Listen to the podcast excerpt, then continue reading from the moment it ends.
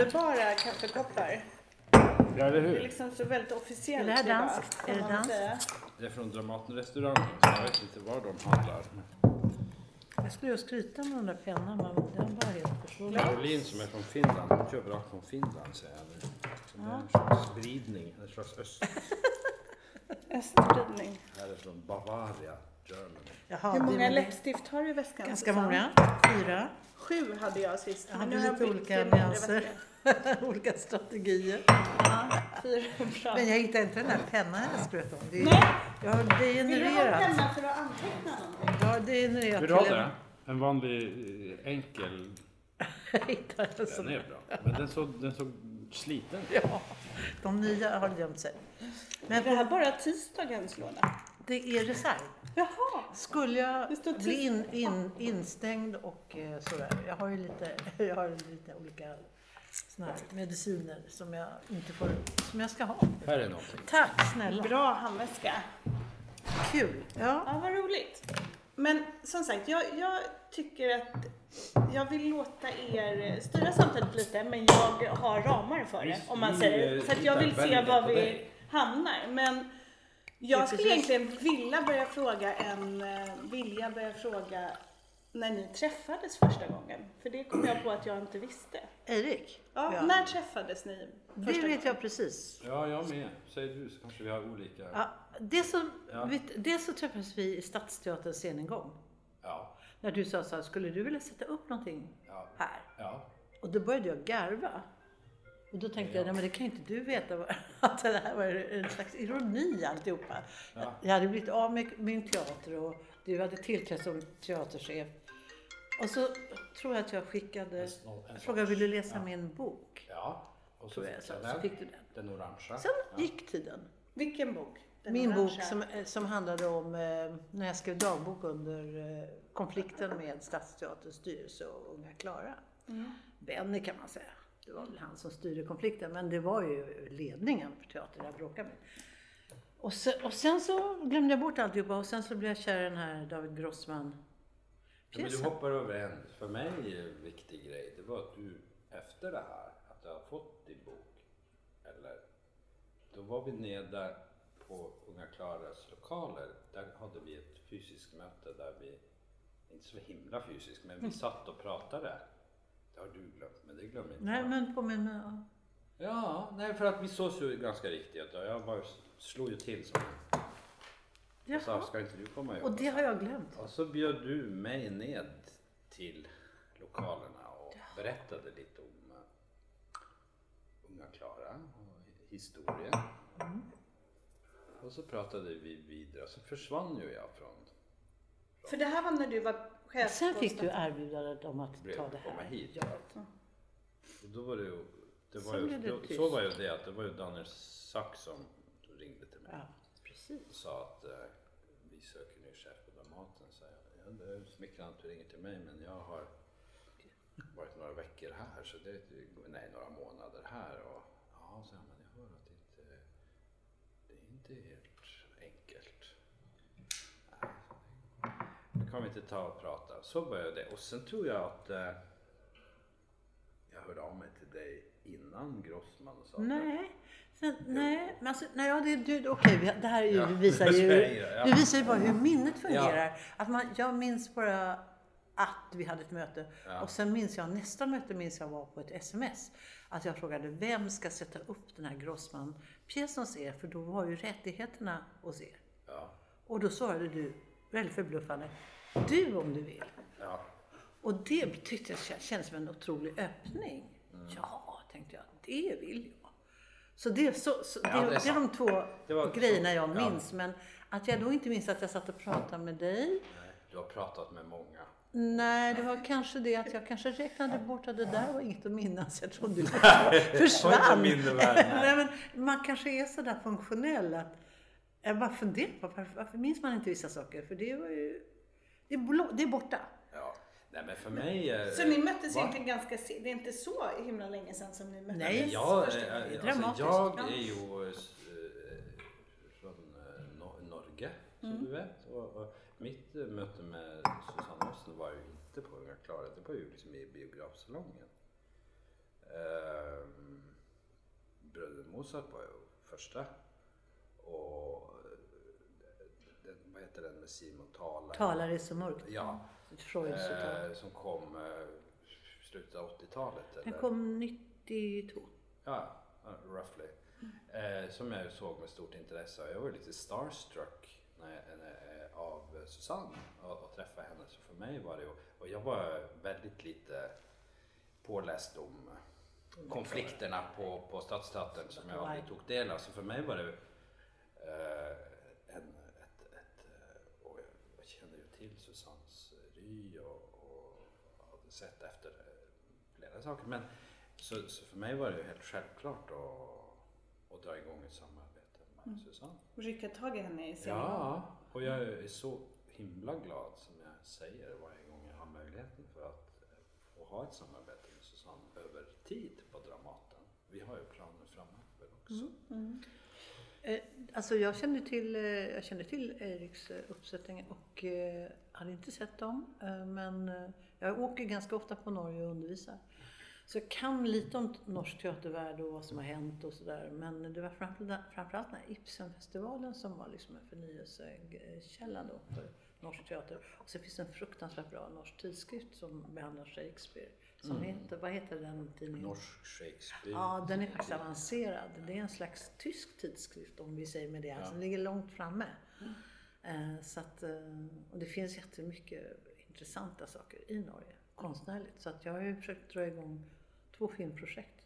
I, då var det filmkris i, och, och det lyckades inte men jag gjorde mycket workshops och träffade skådespelare och sådär. Så att jag var pretty orienterad. Men, eh, ja, men i alla fall. Och sen jag kommer ihåg när jag skulle göra den här första entrén här att jag, har ju- jag har ju ett förflutet med det här som är så här lite i satiriskt nu. När Erland Josefsson slängde ut mig för han tyckte jag var olidlig 23-åring. Och jag Ett sökte jobb. förflutet med Dramaten. Ja, men så märkte jag då när jag skulle komma tillbaka här och att det är konstigt hur man förhåller sig till sina minnen. Att man liksom klänger sig fast vid en historieskrivning som är helt borta. Folk var ju otroligt gulliga och vänliga och det var varmt och jag, du har varit jä- jätteschysst mot mig. Jag har ingenting att klaga på, det har varit vansinnigt kul. Men hur, hur, hur, hur man håller på med sina gamla minnen och tänker så är det. Eller att jag väldigt länge var identifierad med en kämpande gruppteatermänniska eh, och inte har insett att jag har liksom blivit etablissemang själv. Det där är ju en konstig självbild man har, håller på med. Alltså man, åh, det är, alltid motstånd, folk är alltid taskiga. Det, så är det inte. Men det finns naturligtvis strukturer som jag eh, ser fortfarande. När det gäller Du uppfattas ju som lite punk, skulle man väl säga ändå. även Ja, om det kan ju bero på att jag har roliga ringar och sånt där och röda läppar. Ja. Nej, men jag är rebell. Det tror jag att jag identifierar mig med. Alltså en dada, dada rebell. Ja. Och jag, och jag har en rolig tanke på hur vi ska göra reklam för vår nästa föreställning här. Som har att göra med det rebelliska. Spännande, vi kommer vidare till det. Men jag tänker att ni. Susanne och Erik, ni är ju två regissörer som brukar få, nu låter det här väldigt eh, beundrande, men ni brukar Ja, men få, det- det vill vad man kan säga att ni brukar få mycket uppmärksamhet för era uppsättningar och också beröm många gånger. Men om vi ska göra någon grovhuggen, jag tänker om vi ställer er två bredvid varandra och eh, tillåter oss att vara lite grovhuggna. Hur skiljer ni er åt som Oj. Regissörer i era uppfattningar? Om, jag bara tänker att det kan vara intressant att höra, vad, vad gör Eirik för typ av uppsättningar? Jag har ju sett? Eriks uppsättningar och varit väldigt förtjust i dem. De är ju väldigt genomtänkta och eh, har en textanalytisk grej och sen är de uppdaterade i tiden på det sättet att känner ett europeiskt inflytande i dem. Och eh, väldigt, väldigt eh, berörande faktiskt, fast de är coola. Så kan jag säga att de är, har sina rötter i tyskt 80-tal. Menar, nej, men alltså att de, där har du haft dina stora teaterintryck. Men, men eh, sen är de musikaliska, eh, vilket är en likhet. Jag kan- Uppdaterade, coola, musikaliska, genomtänkta. Ja, det är väl det filosofiska. Jag bara påstår att du är filosof. Ja. Att du har en, en... Du läser text. Det är väldigt eh, tydligt. Och det tycker jag man måste göra på den här institutionen. Den här, det här är en textbastion. Inte bara textbaserad teater, men texten är väldigt central för teatern här. Och då måste man kunna läsa text. Så att, eh, mm, det, det, där läser jag in att du har läst filosofi och att, att du kommer till vad det handlar om och vad de säger och vad den betyder. Det är sånt som stimulerar mig i alla fall. Erik, om du, nu fick, vi fick ju liksom ändå några nyckelord här. Om jag vänder på skeppet och, och Ja. låter dig säga någonting om Susanne och vad Susanne gör. Hur skulle du i Ja, men- några ord beskriva det? Jag tycker att Susanne eh, har en, en, gör visionär teater. Det är teater som utgår från en slags helhetsbild. Och eh, ja, det finns en annan, du ser punk, men, det finns någonting oerhört, tänker jag, lite anarkistiskt över, över föreställningarna också. Det är inte punk. Det är inte punk. Nej, men jag tycker att som, som all betydande konstnärlig aktivitet så tycker jag den är svår att liksom definiera. Det kanske det viktigaste med konsten tror jag är, är kanske inte ens möjligt att formulera. Att det, det, det där man, jag har ju det som regissör att om jag vet när jag läser en pjäs exakt hur den ska bli, då gör jag hellre en annan pjäs. För det är ju någonting med Ja, att du vill, vet väl inte heller var du hamnar? Nej, men, men jag, jag, jag tror att eh, det finns en, i Susanne den här kraften som, som utgår från gruppen. Eh, som alla regissörer jobbar med men som inte så, inte så genomfört, så inspirerande, så medvetet som Susanne gör. Jag bara tänker på hela, hela sättet du kommer hit, drar in och öppnar upp en workshop eh, för många i ensemblen. Inte bara de som eh, har tur att få vara med i uppsättningen, men att många bygger, bygger ett sammanhang kring. Nej, för kan vi inte bara, du, du gjorde det med Falla ur tiden, du gör det nu Ja, igen. ja, öppnar upp. Och de som är intresserade och se, lite, nosa lite på arbetssättet och, och känna mer delaktighet med vad jag gör. Inte Jag tycker det viktigaste, om jag skulle med ett ord eh, säga eh, vad jag uppskattar med Susanne och som, som det man letar efter. Det är att det finns någonting oerhört personligt och väldigt originellt i Susannes sätt att göra teater. Det, det, det var det- kul när, när du hade sett David Grossman så sa du någonting att det här jag, alltså jag kommer inte riktigt ihåg vad du sa, men du såg helt förvånad ut. Och så sa du det här, det var premiärtalet. Det här, Jag kommer inte ihåg vad jag sa. nej men det, var, det gick ju på. Det här är det konstigaste jag har sett. Nej, det sa jag inte. Nej, nej, du sa inte det, men det var, jag, jag tog det som ett oerhört beröm. Eh, alltså att du var ogarderad på något sätt. Du använde, det var säkert uttänkt, men det, var, det lät ogarderat. Gud så konstigt, men det funkar. Och Mm. det, det, det tyckte jag var, för, för att det skulle då rymma med att man har lyckats göra någonting som man förvånar en själv. Ja. Att man tänker, nu när jag tänker så här, hur fasen kunde jag göra sådär? Men det, det måste ha att göra med att, att varje regissör har en slags egendomligt tunnelseende. Annars skulle man inte... Jag undervisade igår, då jag, träffade jag fyra regissörer. Eh, och, och, så jag hade anledning att fundera på vad det där med regivisionen är. För man, man anar ju bara i början vad det ska bli. Man kan ju inte veta, men man måste ha den kartbilden. Annars blir ju kollektivet rasande om man inte ska någonstans. De vill ju inte hålla på i evigheter med någonting som inte blir någonting. Så det måste ticka framåt. Och vad är det man orienterar sig på? Eh, och, och eh, Bengt Olsson som ju eh, dömde ut allt jag har gjort i hela mitt liv och tyckte allting är jättekonstigt och tillgjort och, och så här, hittepå, crazy och så här. Han, han skulle då representera de som menar att man gör samma föreställning om och om igen antagligen. Alltså fast med olika... Men det gör man ju. Ja, ja det På gör man ju. Ja, det gör man ju. Det är någonting man håller på med. Nej, det kan man inte. Hur ska man få göra det? inte. Och det är som det där konstiga kravet med skådespelare. Att de ska förnya sig och bli någon annan hela tiden. Men det är ju med, med hjälp av si- sin personlighet som de skapar de här människorna. Så att det, det är en missuppfattning. Å ena sidan kräver man av konstnären att man ska förnya sig hela tiden och vara produktrolig, förnya, nya kollektioner, nya uttryck. Å andra sidan så kräver man att man ska känna igen dem så att man, säger, så man slipper bli besviken. Det är omöjliga krav så att säga. Men, men förnyelsekravet på mig själv då, eller du har på dig själv, det har man ju. Annars är man inte konstnär. Att man vill inte upprepa sig, men man kan inte komma utanför sin kropp. Men jag tycker, jag vet inte hur du gör det, men jag tycker så här att jag tänker ofta när man är chef här så tänk, hinner man inte tänka så mycket och det är liksom lite faran med som regissör. För att fort gjort att man eh, lutar sig på gamla erfarenheter och vad man vet, bla bla bla. Men när man reflekterar över vad man ska göra, så i alla fall jag, så tänker man alltid nu ska jag göra någonting annat. Det är helt annat. Sen när man börjar närma sig publiken kommer så sitter man och tittar på det med en viss kyla. Ja, det måste man. Och så ser man att det ser ut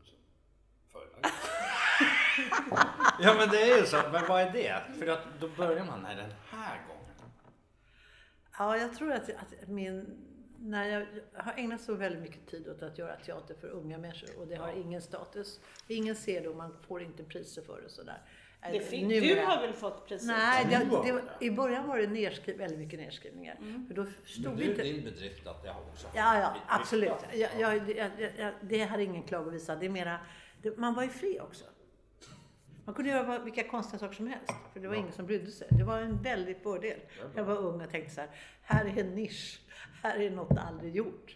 Och det var en väldig frihet. Så fort man går in på vuxenteatern så finns det otroligt bra föreställningar. Som spökar. Som, ja, men jag, har fort, jag har ju sett på den här teatern fullständigt omkullkastande bra teater. Man har sett massa dåligt också, det är borta. Men man har ju dem. Och sen när man åker ut, och, och jag har inte tillhört de där som åker ut och sitter och tittar på teaterträffen och sen går åker hem och rippar den här regiboken och så.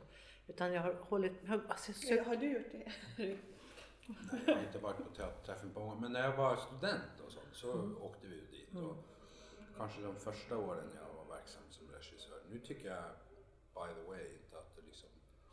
kanske inte Tyskland teater som den- inspirerar dig, utan det är vad du läser eller musik jag blev väldigt eller... inspirerad av att, eh,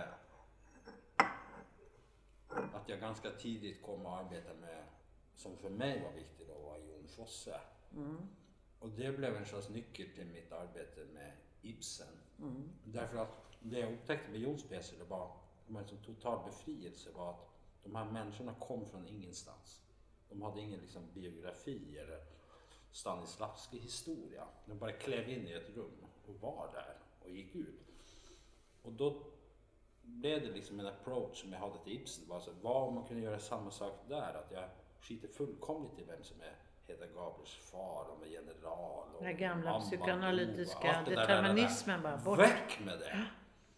Och plötsligt så hittade jag en väg där. Som, som eh, kallas för minimalism eller reduktion eller vad man säger. Men det var mer en sån bort ifrån Bort från det här den- skala av en ja, lök den och hinna skandinaviska sam- psykologiska Ja. realismen som parad med en liksom lite dilettantisk läsning av Stanislavski blev att skådespelarna gick omkring med ryggsäckar av information. Men han, även, Kväv även av- Stanislavski, när han, ja, nu är lite inne på Fenix. För att jag gör ett regiporträtt här hoppas jag tillsammans med Hannes Mejdal då. För det är han som spelar Vachtango. Så den Mm. ena protagonisten är ju liksom den stora förnyaren av, av teater som var, Ja. är, har också varit min hjälte i teaterhistorien. Ja. Vachtango. Han dog ju när han var 40 så att vi vet ju inte. Jag känner att vi måste förklara lite var vi Mm. hamnar nu. För att skälet till att vi sitter här nu egentligen är ju att vi eh, närmar oss en Bergmanfestival och en höst där ni Mm. har varsina uppsättningar. Eh, och du Susanne ska sätta upp en nyskriven pjäs Mm. av Ann-Sofie Barani. Eh, som är ehm, som, heter handlar om, som heter Fenix och som handlar om den ryske poeten och en snabb stund dramatikern får man väl säga. Marina Tsvetajeva. Mm, som levde och verkade i Moskva under revolutionstiden. Eh, Ja, kort referens till Ja. Vachtango är att jag, jag har inte velat att göra en, ett, en offerkofta-pjäs, eh, det har varken Ann-Sofie eller jag velat göra, om en döende diktare och sådär. Utan hon var otroligt pretentiös och hon visste att hon hade något att ge teatern. Jävla jobbig kvinna. Och hon eh, sökte upp den mm, främste regissören i Moskva, Vachtango.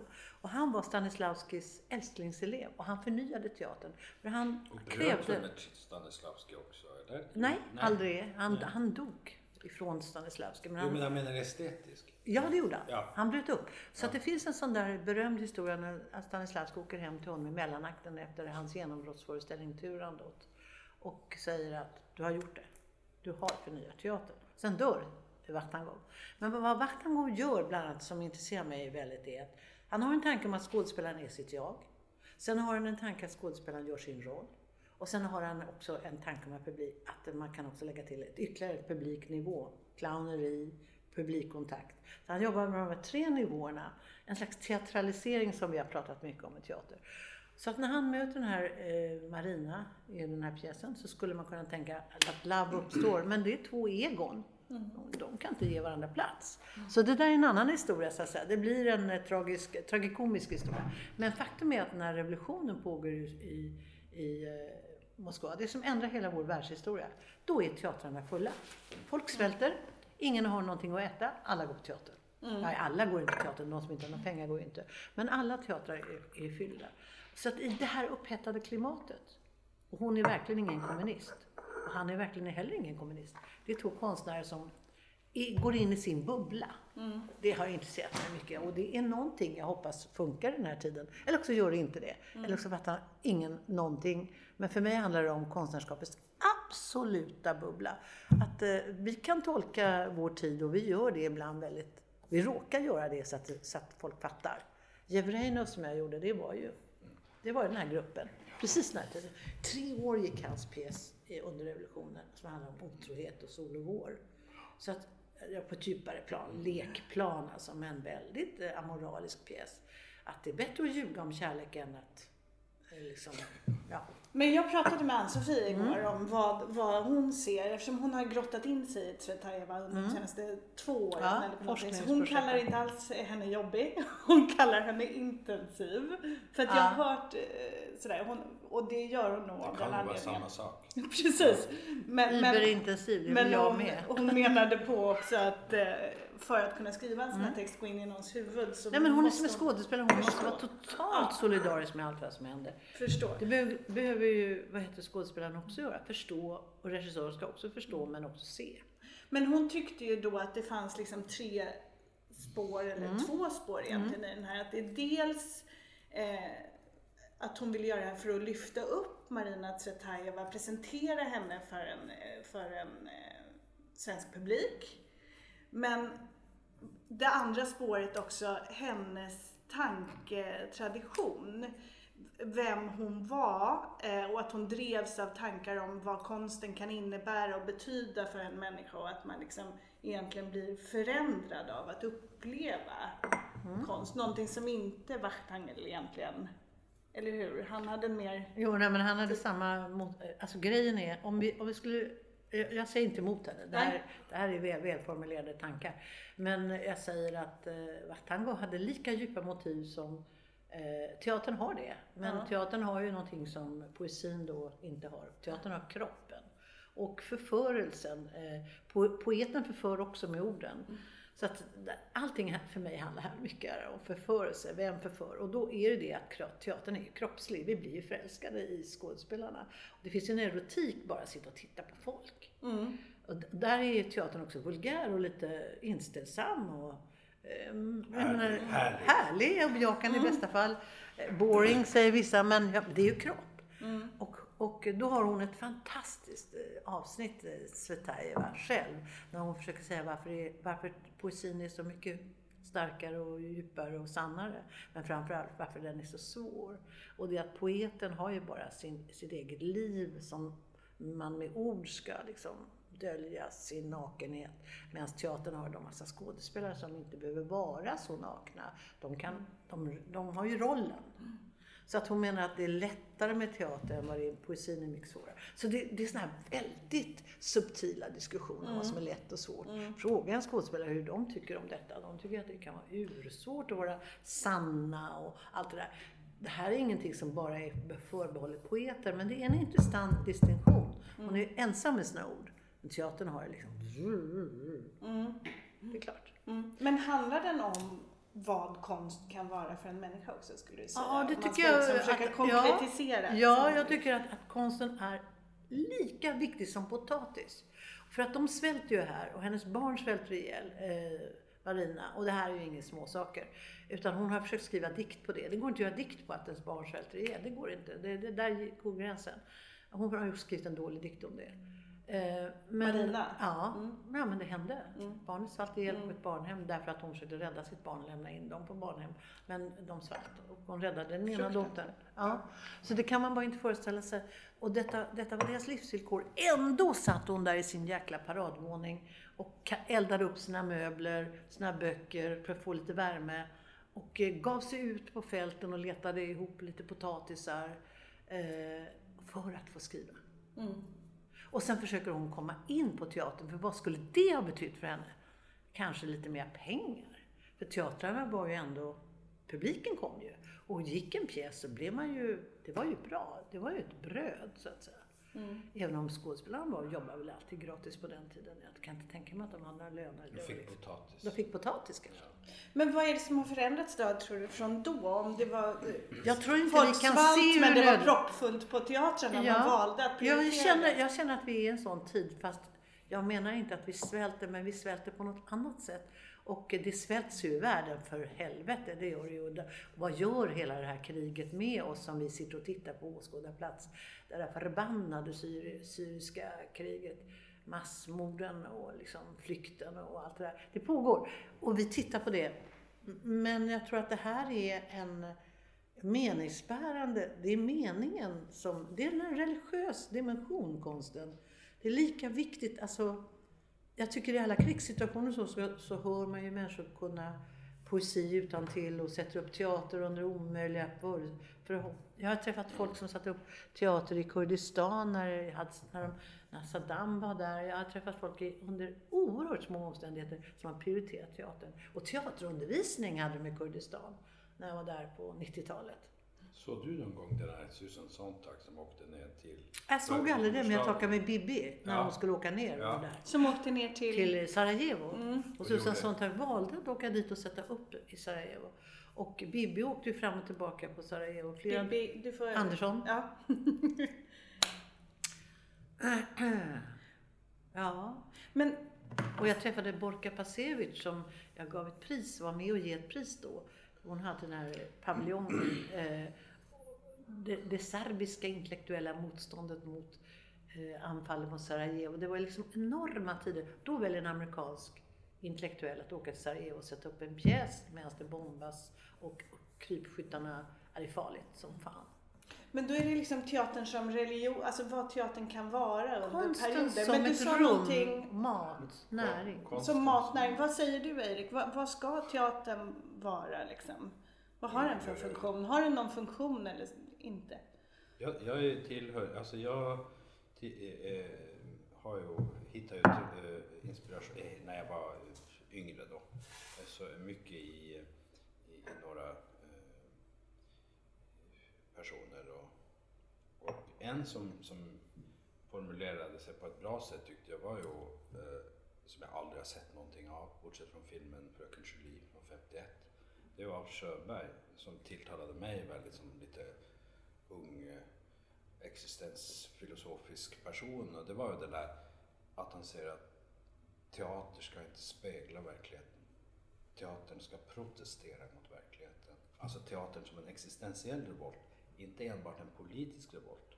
Inte ens det, men, men mer eh, eh, teater som en rit som protesterar mot mörker, våld på ett mera nästan metafysisk eh, grund Väldigt bra. än, än, än i och för sig att social orättvisa eller vi kämpar för det här, den här frågan men på ett existensfilosofiskt plan.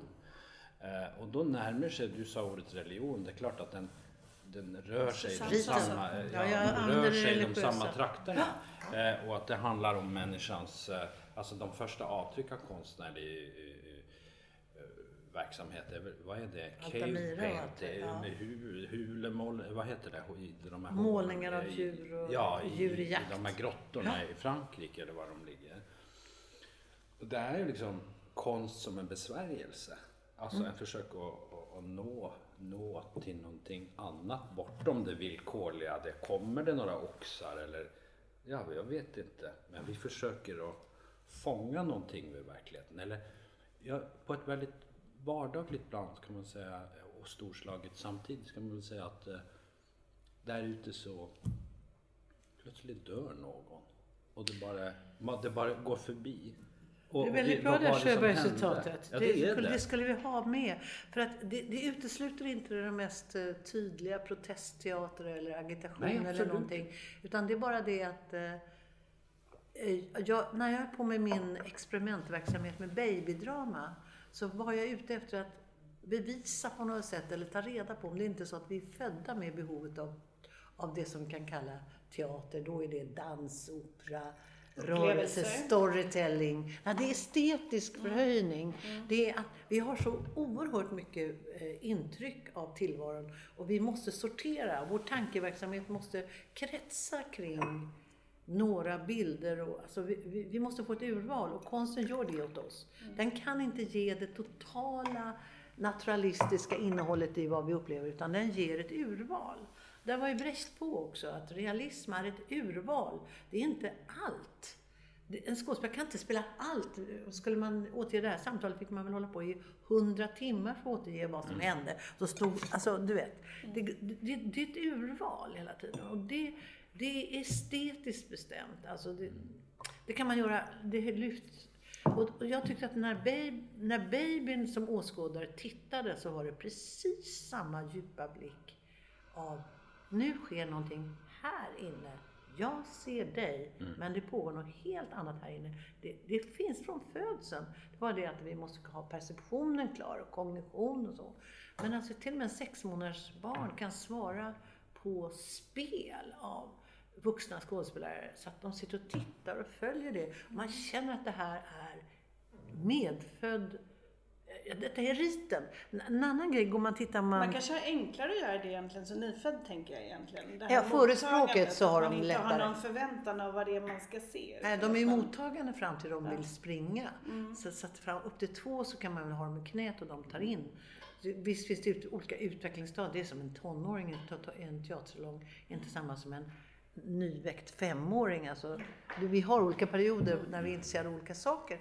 Men, men rent mentalt så tror jag är vad konsten gör för människan är ger dem en slags med, en riktning i tankeverksamheten och då faller det egna tänkandet ut, kännandet helt enkelt. Så att jag, det, det var liksom ett, en djup upplevelse och jag, jag tog jag är inspirerad av såna här små vägtempel i Thailand. Så vet, man går och tittar så tittar man på eh, altare och så tänker man men det här är precis som våra svenska kyrkor. Alltså man tittar framåt. Ett proscenium, det ser ut som en teater. Alltså riten och teatern är ju samma. Vi tittar. Varför gör vi det? Varför den, vad säger den och vad säger den och vad går det ut på? Det är för det är så jävla svårt att leva, vi måste ha vägledning. Och så är grekerna, det är därför de är relevanta. Folk tycker att den är Verkligen. oerhört relevant den här Oidipus-dramat nu. Jag tänker, ni, ni har, när vi pratar vägledning, ni har båda suttit på teaterchefspositioner. Eh, hur mycket ska man tänka på vad publiken ska få ut av det man gör när man bestämmer vad man ska göra, vilka uppsättningar man ska göra? Klart man ska tänka Är på det- det. Jag Ja. tänker väldigt mycket på, det är ju det det handlar om. Regissörens jobb är att tänka på Ja. Fatta, vad får publiken ut av det här och fattar de det här? Och man sysslar ju hela tiden med publiken. Men när man väljer berättelser, tänker jag. Liksom, Nej, inte på något enkelbiffigt sätt. Det måste ju vara någon tändning hos de där som Jag, ska göra jag har det. alltid tänkt väl, eh, privat, håller jag på att säga. Det skulle jag kanske inte säga som programansvarig för ett helt säsong på en teater, men, men som regissör, och det tror jag, det försöker jag eh, eh, bejaka oss regissörer som vi ska jobba med. Jag tror ju att om man verkligen tror på en berättelse själv, då blir den relevant för andra. För att jag utgår från att jag är en människa, jag lever i ett, en social kontext, en historisk kontext. Jag, jag har en, en, en, en slags känslighet för det här berättelsen, men jag måste vara tro mot vad jag vill berätta. Och då tror jag att det uppstår en slags friktion mellan berättelsen, mig och de som ska titta på den som gör att det, det blir nu. Jag tänker inte hur, ja nu. Det är en, en, en miljard, men jag vill bara tillbaka till det här med, med det existentiella för att jag tror att jag bara fullföljer det där att, att det där, att det som är fantastiskt med att få jobb, arbeta med teater, det är ju att som jag sa, där ute dör de bara. Så plötsligt är han borta. Vi vet inte varför och vi ser dem aldrig mer. Och det gick fort och plötsligt är Mikael Nyqvist borta. Jag, vad hände? Men på teatern. Han skulle stå här på scen och spela ensam till festivalen. Ja. Men på teatern, ja, om vi inte tycker om sättet de dör på, då tar vi det om. Gör vi det en gång till. Eller eh, vi spelar tre olika sätt. Det, det finns det där, för mig i alla fall, det där. Och jag, jag, Vi talade om regissören i rummet. Vi har den här enormt benådade grejen att få ta om och göra om. Men är det inte det publiken också vill se? En Ja, slags... de kommer ju igen och ser samma pjäser och tittar på varianter. Det är sant. Det, men jag tänker på Boton är ju den uttalade konstformen att vi är de dödas representanter. Och det kom Mm. ju efter atombomben. Så det, de vitsminkade kropparna betyder bara vi är de döda, vi påminner om de Mm. döda. Och jag tycker att Shakespeare är det för mig. Att eh, de, de, som har, de som har överlevt den här klassikern, det är också Webster som jag sysslar med själv nu. Duchess of Malfi. Alltså att vi är de dödas, och då står vi i livets tjänst. När vi gör det. Vi berättar de dödas historier för att vi, för att vi är i livets tjänst. När man håller på med barnteater så är man verkligen i, i nuets tjänst. Eh, För att vi berömde oss ju mycket av att vi skiter i om de blir framtida teatermänniskor. sågas på stora scen. Så Ja, av stämmer skallen. ljudet. Apropå det där. Du, Man sket ju fullständigt i alla fall, gjorde jag men det. tänker på det här med Shakespeare. Vad, vad, jag tycker det... Jag, vad förstår du med... Det finns ett ganska berömt sånt Peter Brook citat som man har i en av sina böcker. Som jag i alla fall tror att jag förstår. Eh, och det är det där att han säger att för mig är Shakespeare och Tjechov de största. Därför att de har ingenting att säga. De sätter livet i hela sin komplexitet och, och motstridighet och mångfald upp på scenen utan att de påstår saker. Jo, de har ju den här eh, existentiella dimensionen. Jag lyssnade just nu på Marlon Brandos tal i, eh, du vet, Även du min Brutus, när han håller sitt... Ja. Och den är så jävla bra skriven. Den är skriven som en maffiaserie. Ja, att de, de som mördar Julius Caesar Sopranos, säger att okej, vi dödar inte dig Antonio, men då måste du hålla ett tal som berömmer oss. Mm, Gud så listigt. Men alltså så Shakespeare, och den har de satt upp i en fängelse, ett italienskt fängelse med fångar. Och de förstår Oj. precis hela den där uppgörelsen. Ja. Eh, maffian. Eh, så att det är klart att det är väl någonting med att den är absolut meningslös. De mördar Shakespeare och sen, när de mördar Julius Caesar för att bli av med en, en, en härskare för att välja en ny härskare. Alltså det, det finns en absolut meningslöshet i allt det där. Och de offrar allt, trohet, lojalitet, allting för detta mord och blir sen... Det är någonting så... de- Hans krigspjäser är de värsta. Coriolanus och allt det där, det är det värsta. Ja, det, det skulle jag vilja hålla på med, hålla med. Eh, fast jag har sett, har sett en kritisk Tjechov av eh, Jubimov i Moskva. Ja. Där han visade hur dumma i huvudet de där tre systrarna är. Ja. Tre bigotta tjatmostrar som ska till Moskva och så slutar han med med öppna bakväggen på teatern. du och du får Moskva. se fula Moskva. Idioter, sa- säger han där. Därför han kritiserade, det var väldigt skakande eftersom vi alla hade en romantisk uppfattning om, eller då på den tiden. Så då tänkte jag, ja men det ändrar ju inte, han hade ju humor, det ändrar inte Tjechovs pjäs. Nej. Att de är dumma, ja visst, folk är dumma. Folk är romantiska, folk är... Folk är, folk är. Och det, det, det är väl... Men man kan ändå inte...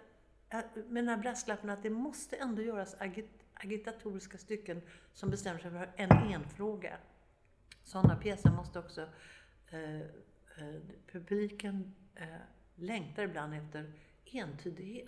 Det känns som ni har lite olika syn där ändå, Nej, skulle jag på- säga. på? Eller tycker du att det måste göras frågor som koncentrerar men- sig kring en enfråga? Eller, eller är det bara min fördom om dig? Alltså det här med ett tydligt Ja, men det finns ju budskap repertoaren som här. ska fram. Knivhand, eller eh, den, det finns ju repertoaren här. Ja. finns ju sådana enfrågor. Ja, du menar klipphand? Klipphand Unga menar jag. Ja, Ja. det finns ju Ja. enfrågor. Ja. Detta våld Ja, måste nu pratar jag inte om dig som teaterchef utan Nej. dig att du kanske inte Ja. själv skulle Som regissör då, är sätta upp eh, klipphand. något. Det är alltså... Det är min fördom nu. kring dig, om man får Ja, tillåta sig vad är fördomen? Vad? Att du inte skulle välja att sätta upp eh, en uppsättning kring en enfråga, kring ett tydligt budskap. Nej, det skulle jag aldrig. Nej. Men jag har full respekt för att andra kan göra det på ett Mm. bra sätt. Jag, jag gillar samurajfilmer väldigt Mm. mycket privat. Jag skulle aldrig göra en samurajfilm. Men och jag tycker... Kunde vara intressant. Ja, kanske jag ska göra det. Men, Ja. nej, jag, jag, men, Det men, gillar jag också. Ja, men, men det är ju... eh, nej, jag är inte så intresserad av nej. Nej. Men du Erik, nu om vi bara ska gå vidare till din uppsättning då som du Ja. ska göra under Bergmanfestivalen Ja, på Elverket. här, Då ska du sätta upp En natt blir den svenska sommaren som är en pjäs av Erland Josefsson. Susannes om- gamla nemesis. Ja. Precis, vi binder ihop det här. Om filminspelningen av Andrei Tarkovskis Offret på Gotland 1986. Precis, Och precis. jag har uppfattat det som att det är en pjäs om väntan och om, sam, om väntan på rätt ljus i rätt tillfälle och om de där samtalen som blir till i en väntan. Skulle du säga att det är korrekt, en korrekt Det är i alla beskrivning? fall ett, ett, ett, en början till en beskrivning men, men det handlar väl om, om, som du säger, inspelningen av en film och ett möte mellan, eh, inte Vakhtang och, och poeten, ryske poeten, jag vågar inte uttala hennes namn men det kan Marina. Svetsa, Marina, Marina säger jag, säga. men Mm. Svetsjeva. Jag känner själv ett Ja. svett Eva. Mm. Svetst. Ja. Men, men det är ju en, eh, en eh, Offret är, är ju en film som handlar om, så vitt jag kan förstå, om, eh, om att vi alla på något sätt har ett personligt ansvar för att rädda världen, inte mindre. Och att det kräver ett offer att göra det. Eh, och det tycker jag är en häftig idé. Mycket rysk tror jag. Eh, och eh, det handlar ju om ett möte mellan en skådespelare, också före detta Dramatenchef, dramatiker som möter en helt annan sort, ett helt annat temperament men kanske inte så med, med en stor regissör då, eh, Tarkovsky, storkonstnär. Eh, det handlar om ett eh, möte dem emellan. Och det, det är en pjäs som, som eh, på ett både allvarsamt och lättsamt och skojigt och, men också eh, bjuder upp till en diskussion om konst, lite på, på som vi pratar om nu. Vad är det? Vad går det ut på? Eh, hur eh, skapar man förutsättningar för att göra eh, bra film i det här, eller bra teater eller, eller bra litteratur? Alltså det, det, jag gill, har gillat den pjäsen ganska länge eh, därför att det är en av de få som samtida som diskuterar eh, konst på, på, ett, på ett sätt.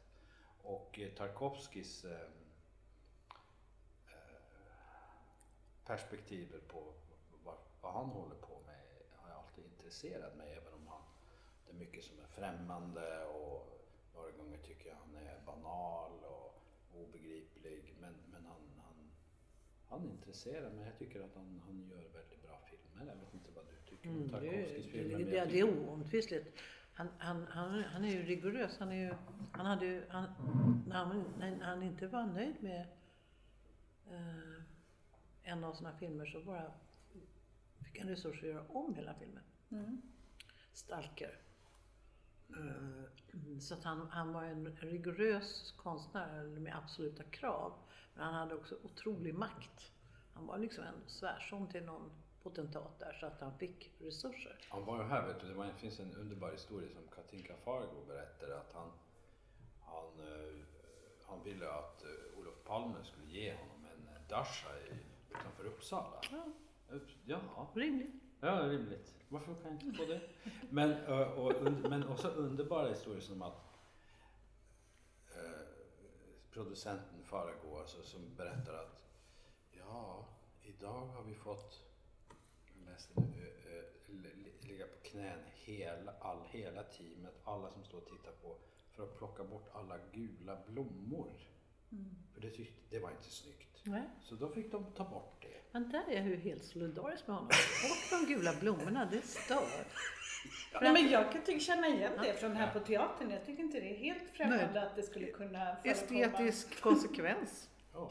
Gult är fult. Eh, Men, men, men nej, jag tycker det. Men, men jag Han gick till enorma... Där finns ju någon parallell mellan de här två projekten. Ja, det ryska är ju väldigt Ja. intressant.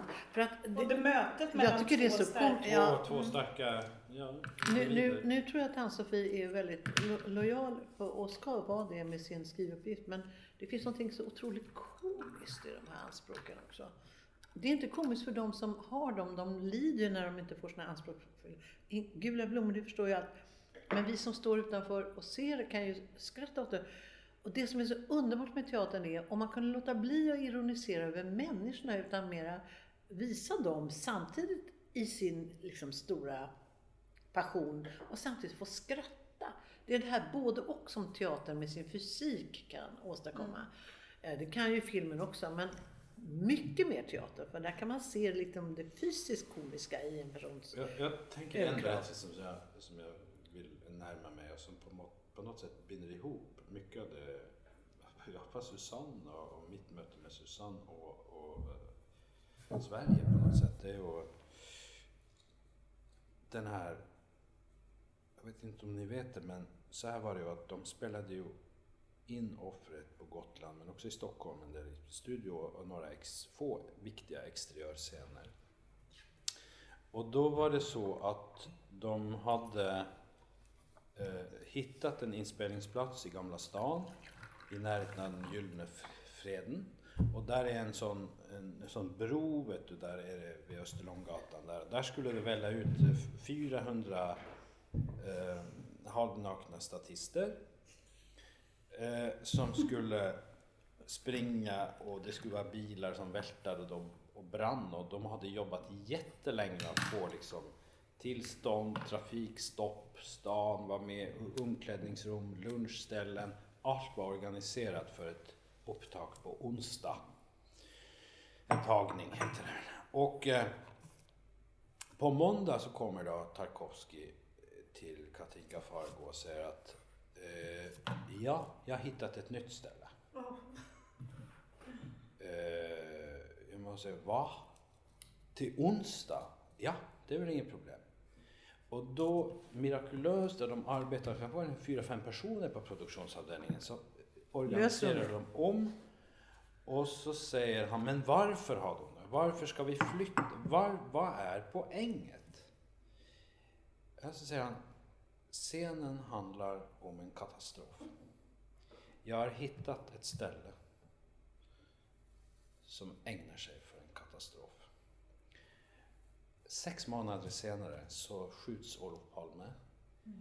Två meter från där kameran stod. Det är alltså Tunnelgatan som, och där, vem det nu var, Christer Pettersson eller vem det var, fly, flyr upp för de trapporna. Så i offret idag så kan man se den scenen inspelad på Sveavägen. De står väl på Sveavägen och kameran pekar upp.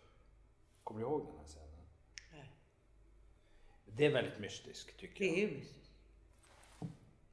Men, men Och då hade Olof Palme varit och tittat på Brunmos. ja, jag menar det finns eh, synkronicitet. Eh, det finns synkronicitet. Och här sitter vi. Här sitter Jag, vi. jag träffade en kvinna från Nordnorge som, när hon eh, kom i kontakt med hennes förmåga att se kommande öden hos människor som hon mötte så flyttade hon till Mexiko, där man tror på det där.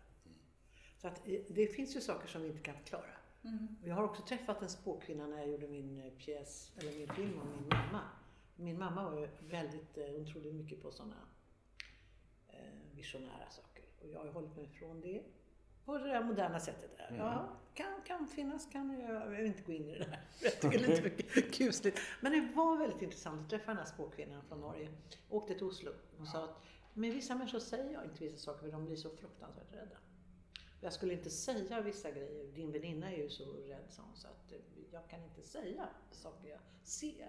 Men det sista hon sa till mig var, du är född på ö, din far var skallig, din mor var rödhårig. Och så bara, så går ni igen dörren. Och, och, det här, och det här var 1970. Stämde det då? Ja! Och det var 1979 och jag var för fan inte ens i Wikipedia. Det fanns ingenting om mig. Och det var en film som inte var gjord. Och hur kunde hon veta detta? Och hur har hon... Ja, det var, hon fick en glimt bara. Jag kan inte förklara det där. Jag bara, mm. Okej. Hörni, det är så himla spännande samtal som förs men jag känner att jag kan inte låta bli innan vi skiljs åt att prata lite om Bergman. Ja. Eh, För det är ett stort jubileumsår i år. Han skulle ha fyllt 100 år. Ja. Erik, jag går tillbaka faktiskt till den förra Bergman-katalogen som vi gjorde 2016. För där pratar ni båda två om Bergman på lite olika sätt. Nu tog jag den här sista halvan. Och det var mycket bra. Och Erik, du hade en sommar som tonåring. Det tyckte jag var härligt att tänka sig. När du Ja. eh, grävde ner dig i Bergmans filmer. Eh, du såg Sommarnattens leende, Alla dessa kvinnor, Så som i en spegel, Persona, Nattvardsgästerna. Mm. Och för dig så blev det, apropå vårt samtal tidigare idag, en, eh, en första invigning i vad konst kan vara. Eh, sa du då i alla fall. Och att den ja. erfarenheten ligger liksom till grund för hela ditt teaterintresse. Det låter ju, när man läser det så, som att Bergman var oerhört betydelsefull för dig. Jag tror, att, jag tror att det jag sa kanske eh, var att eh, det var en chockartad upplevelse. Jag kommer ju från en liten ort i, i norra Norge eh, utan teater och, och så. Och, och, och, jag kommer från en familj där vi, folk sysslade med musik me- mest. Jag, jag såg ju jag skulle säga att den här som, sommaren med Monica, alltså, så det där handlade väl mer om eh, att det gick en serie, som det gör väl då och då, det var ju absolut inte något jubileum, men det gick ett, en, en sommar en, eh, några film, Bergman-filmer som jag såg. Den som tror jag gjorde mest intryck på mig var kanske inte den bästa filmen, men på någon, jag kan inte förklara det. Det är den filmen där Harriet Andersson, Blir galen ja, Så som en spegel. så som i en spegel. Det var ett enormt in, eh, intryck. Och ett, ett, tystnad, men även de här komedierna från 50-talet tycker jag väldigt mycket om. Eh, för inte att tala om alla dessa kvinnor heter den väl. Och eh, eh, En lektion i kärlek. Det fanns några underbara komedianter där som var på Dramaten tror jag också. Som, eh, Eva Dahlbeck. Dahlbeck var ju underbar.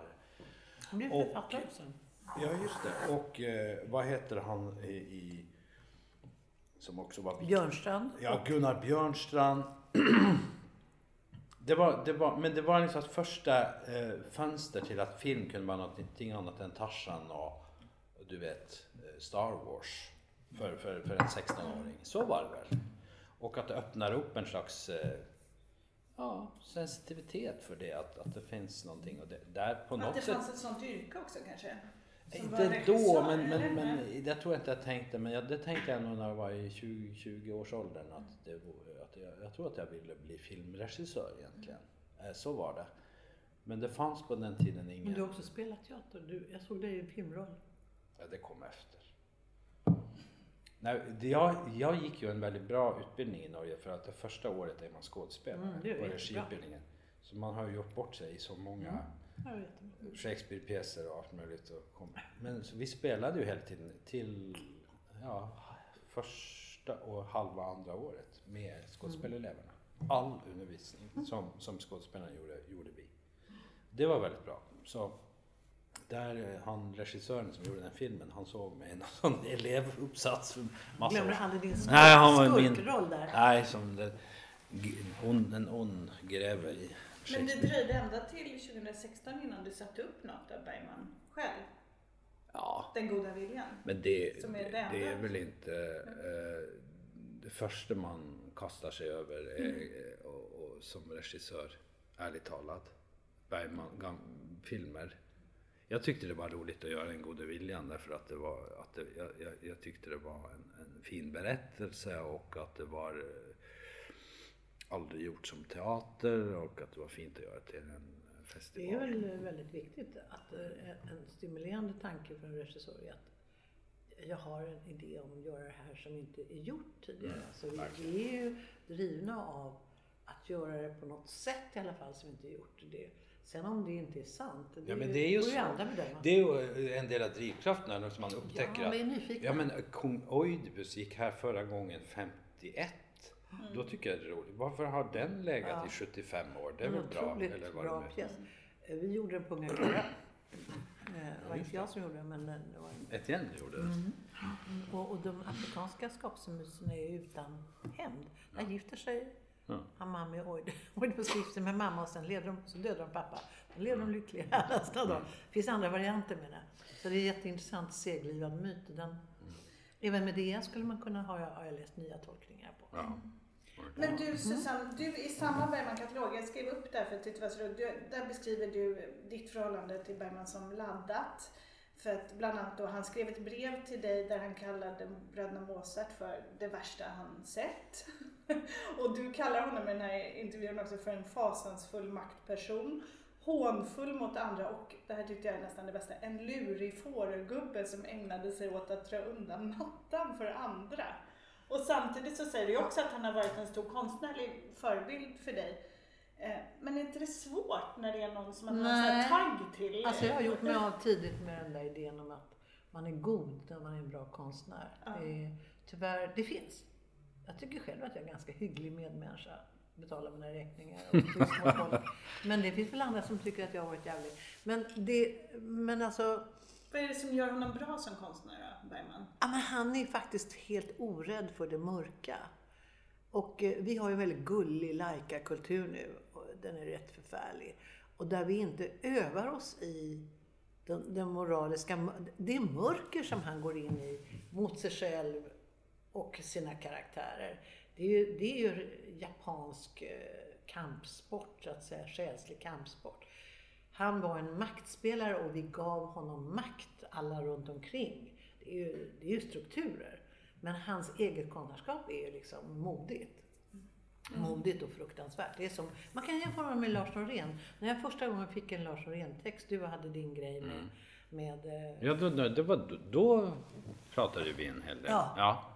För, för Norén, det var ju för Vi gjorde en sorts... mm, Ja, du hade din Norén- grej med, måste vi förklara. Du, ehm, Nej, det var in, min, min Herostratisk beryktad korta period som konstnärlig ledare av där borta. Mm. Så gjorde vi en, en, en, jag hade gjort två år innan eller tre år Där innan. hade vi ett möte. Stillheten av Lars Norén. Där hade Och vi ett så riktigt skulle vi, konstnärligt möte. ja, och så skulle vi göra det en, Det eh, kom jag på då. Att vi skulle göra, ja, och då var det vi träffades Yes. där nere på ditt rum. För att jag ville att, för att Susanne var ju egentligen den som skapade Lars Norén. Nej, du förstår vad jag menar. Av dina som folk ännu pratar Ja, om. Med andakt. Ja. Jo, en fruktansvärd lycka och Och Underjordens leende. Ja, på, på gamla Stadsteatern. Och så fyllde Lars Norén 70 tror jag det året och då hade vi en liten sån dag. Och då spelade vi Stillheten, då var det seminarier, Mm. Etienne var med och pratade och läste från hans filosofins nattröst, nej vad heter den boken som Lars skrev? Ja, spelar ingen roll. Men, men det var ju en... eh, Jag var ju väldigt, jag var väldigt nyfiken på, för när du gjorde dina Norén-uppsättningar, det var väl första gången att Lars Norén blev en, en stor framgång, var det inte det? Ja, alltså jag uppfatt, jag, jag, jag, jag, jag fann ju komedianten i honom. Ja. Den hade han inte funnit själv. Han var en poet, stor Ja. poet, stor Ja, svensk poet. absolut. Inget snack om det. Så gjorde de en uppsättning här och den floppade. Det var Ja, det var den första slickan. Ja, Ja. där fann jag en väldigt fin eh, konstnär, scenograf, Peter Tillberg, som blev en av mina vänner. Eh, och ehm, sen så gjorde han Modet att döda och lite annat för TV. Det var naturalistiskt, Ja, ja. mycket stark.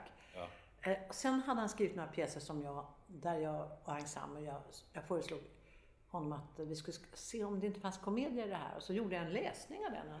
Vi läser den som en tragedi och vi läser den som en komedi. Och sen låg vi dubbla. Så låg vi dubbla och skrattade. Så att, och det där är sånt som jag har lärt mig genom att jobba med musik. Att tempi, som till exempel eh, eh, Mozart kan man ju spela i 1800-tals romantiskt tempo och då, då det är allting väldigt sorgligt. Eller också kan man ta upp hans e- eget sätt att räkna tiljorna i planket på sin egen teater. Det är väldigt exakt, komediantiskt. Och det ska, man känner komiken och liksom hur, hur, hur teatral han är. Ja, och då prövade vi det på Norén och så min idol då var ju Woody Allen. Eh, hans Manhattan och så. Det var, Ja. hade, hade jag ju som förlaga när jag gjorde min film Mamma. Det fanns alltså Folk är roliga fast de vet inte om det. Så att säga. Det, det är det högsta. Men hörni, bara apropå, för att få till en sista, apropå Woody Allen också, efter den här höstens metoo-upprop så har det ju kommit också en hel del kritiska röster kring varför ska man hylla Bergman 100 år? Eh, I och med att det i metoo-uppropen också vändes och vreds på en massa annat på teatern som behövde luftas, hierarkier och toner och, och liksom såna här saker. Eh, kan ni förstå den kritiken? Var, eller liksom att man ifrågasätter, varför ska vi sätta Ingmar Bergman och uppmärksamma honom under ett år? Är det relevant kritik? Eller? Alltså, ja, jag har tusen åsikter om allting. Jag, jag anser att så, så länge man håller sig till maktanalysen så är metoo en otroligt framgångsrik eh, rörelse och ska, ska hjälpa oss att, att se på makten. När det gäller det privata, eh, eh, det privata och hur neurotiska människor är och vilket sexliv de har och om de betalar eh, pengar till sina barns uppehåll och allt det där. Det är svårt att ha en politisk åsikt om det. Eh, det, det spelar faktiskt ingen roll för en film. Och visste man inte om det här, och det är ju tur att vi vet så lite om vissa filmmakares liv när vi ser dem, vi ser bara storyn. Eller författare. Eller författare målare. eller målare. För folk är ju, om vi går tillbaka till det här, att det här mörka då. Vi skulle önska att människor var goda eh, när de var bra eh, konstnärer. Och, men vad man måste sätta stopp för, och det kan man eh, modernisera, det är maktmissbruk. Modernt massmissbruk. Det, det görs ju nu. Det är ju facket och personalorganisationer och personalchefer, alla jobbar ju för att göra det mer transparent, röka ut skiten. Det, alltså, vi tror väl på framsteg, jag gör det i alla fall. Jag vill inte tillbaka till hur det var förr. Mm. Men Bergman, det blir ju lager på Bergman. Nu lyfter man fram nya saker. Bergman har ju, i alla fall i mitt liv, varit så många olika saker. En verklig motståndare, ja visst, det hör man ju hur arg jag är. Men, men eh, sen hittade jag ju ett manus som någon visade mig, som jag tycker är helt underbart. Som jag har försökt göra film av länge nu och som jag eh, håller på med i Kanada. Så att, man måste tänka sig att man läser om och tiden förändras också. Vad säger du Erik? Du som är ansvarig för Bergmanfestivalen här ytterst. Ja. Nej, men- är det men- fel eller rätt? Men jag har, jag har aldrig träffat Ingmar Bergman. Jag har, jag har eh, eh, ingen kunskap om hans person så sett eller hur han var eller ha, eh, Jag tycker att det är ett, ett betydande konstnärskap eh, i, i, och, och, som, som inte bara berör Ingmar Bergman själv eller som person men som involverar väldigt många, bland annat den här teatern, eh, Sverige. Eh, eh, Bergman som en dörröppnare för, för, eh, och ett samlingspunkt, någonting att, att, att diskutera utifrån. Jag, jag har inte, eh, jag har inte, om man tänkte lite så här att sätta honom som person, det är ju ingen personkult som... Det blir kommentarer till hans verk. Ja. Och jag var ju i Mexiko nu, där har de en hel katedra som de kallar det, katedra, om man ska tala spanska, som är en eh, hel bio och en scen. Och, de letar hela tiden efter regissörer som både gör teater och film. För det är så unikt med honom, att han hade denna otroliga kärlek till teatern. Och, och, det, och det kan ju inte vi som teatermänniskor låta bli, och jag har också gjort filmer, det kan vi inte låta bli att se som en väldigt, väldigt, väldigt specifik grej. Och de letade hela tiden och jobbade hela tiden med att ta dit och inbjuda, jag var där och jobbade med studenter och så. Att den, för att genomgående i vårt samtal skulle jag tro finns en, en väldig kärlek till teatern och att den på, måste skyddas. Eller den måste försvaras. All teater! Alla fria grupper, alla institutioner. Vi har en gemensam grej att vi är hotade av en filminvasion. Och då genom att dyrka den här gamle mannen, eh, det är ju inte något bra. Men titta på det som han har gett oss i form av kunskap, så det, är väl bra. Vi, vi kan inte göra något nu utan att ha ett då. Och han är en- en del i dået, även om jag kanske hade mina största tändningar på bröderna Marx innan Bergman blev intressant för mig. Jag vi har så mycket Bergman så att vi inte ser honom så att säga. Och nu när man tittar på honom med distans så ser man att det där är ju enastående. Det är faktiskt enastående. Vad bra. Nu har vi Bra. tagit över tio minuter men tack så mycket.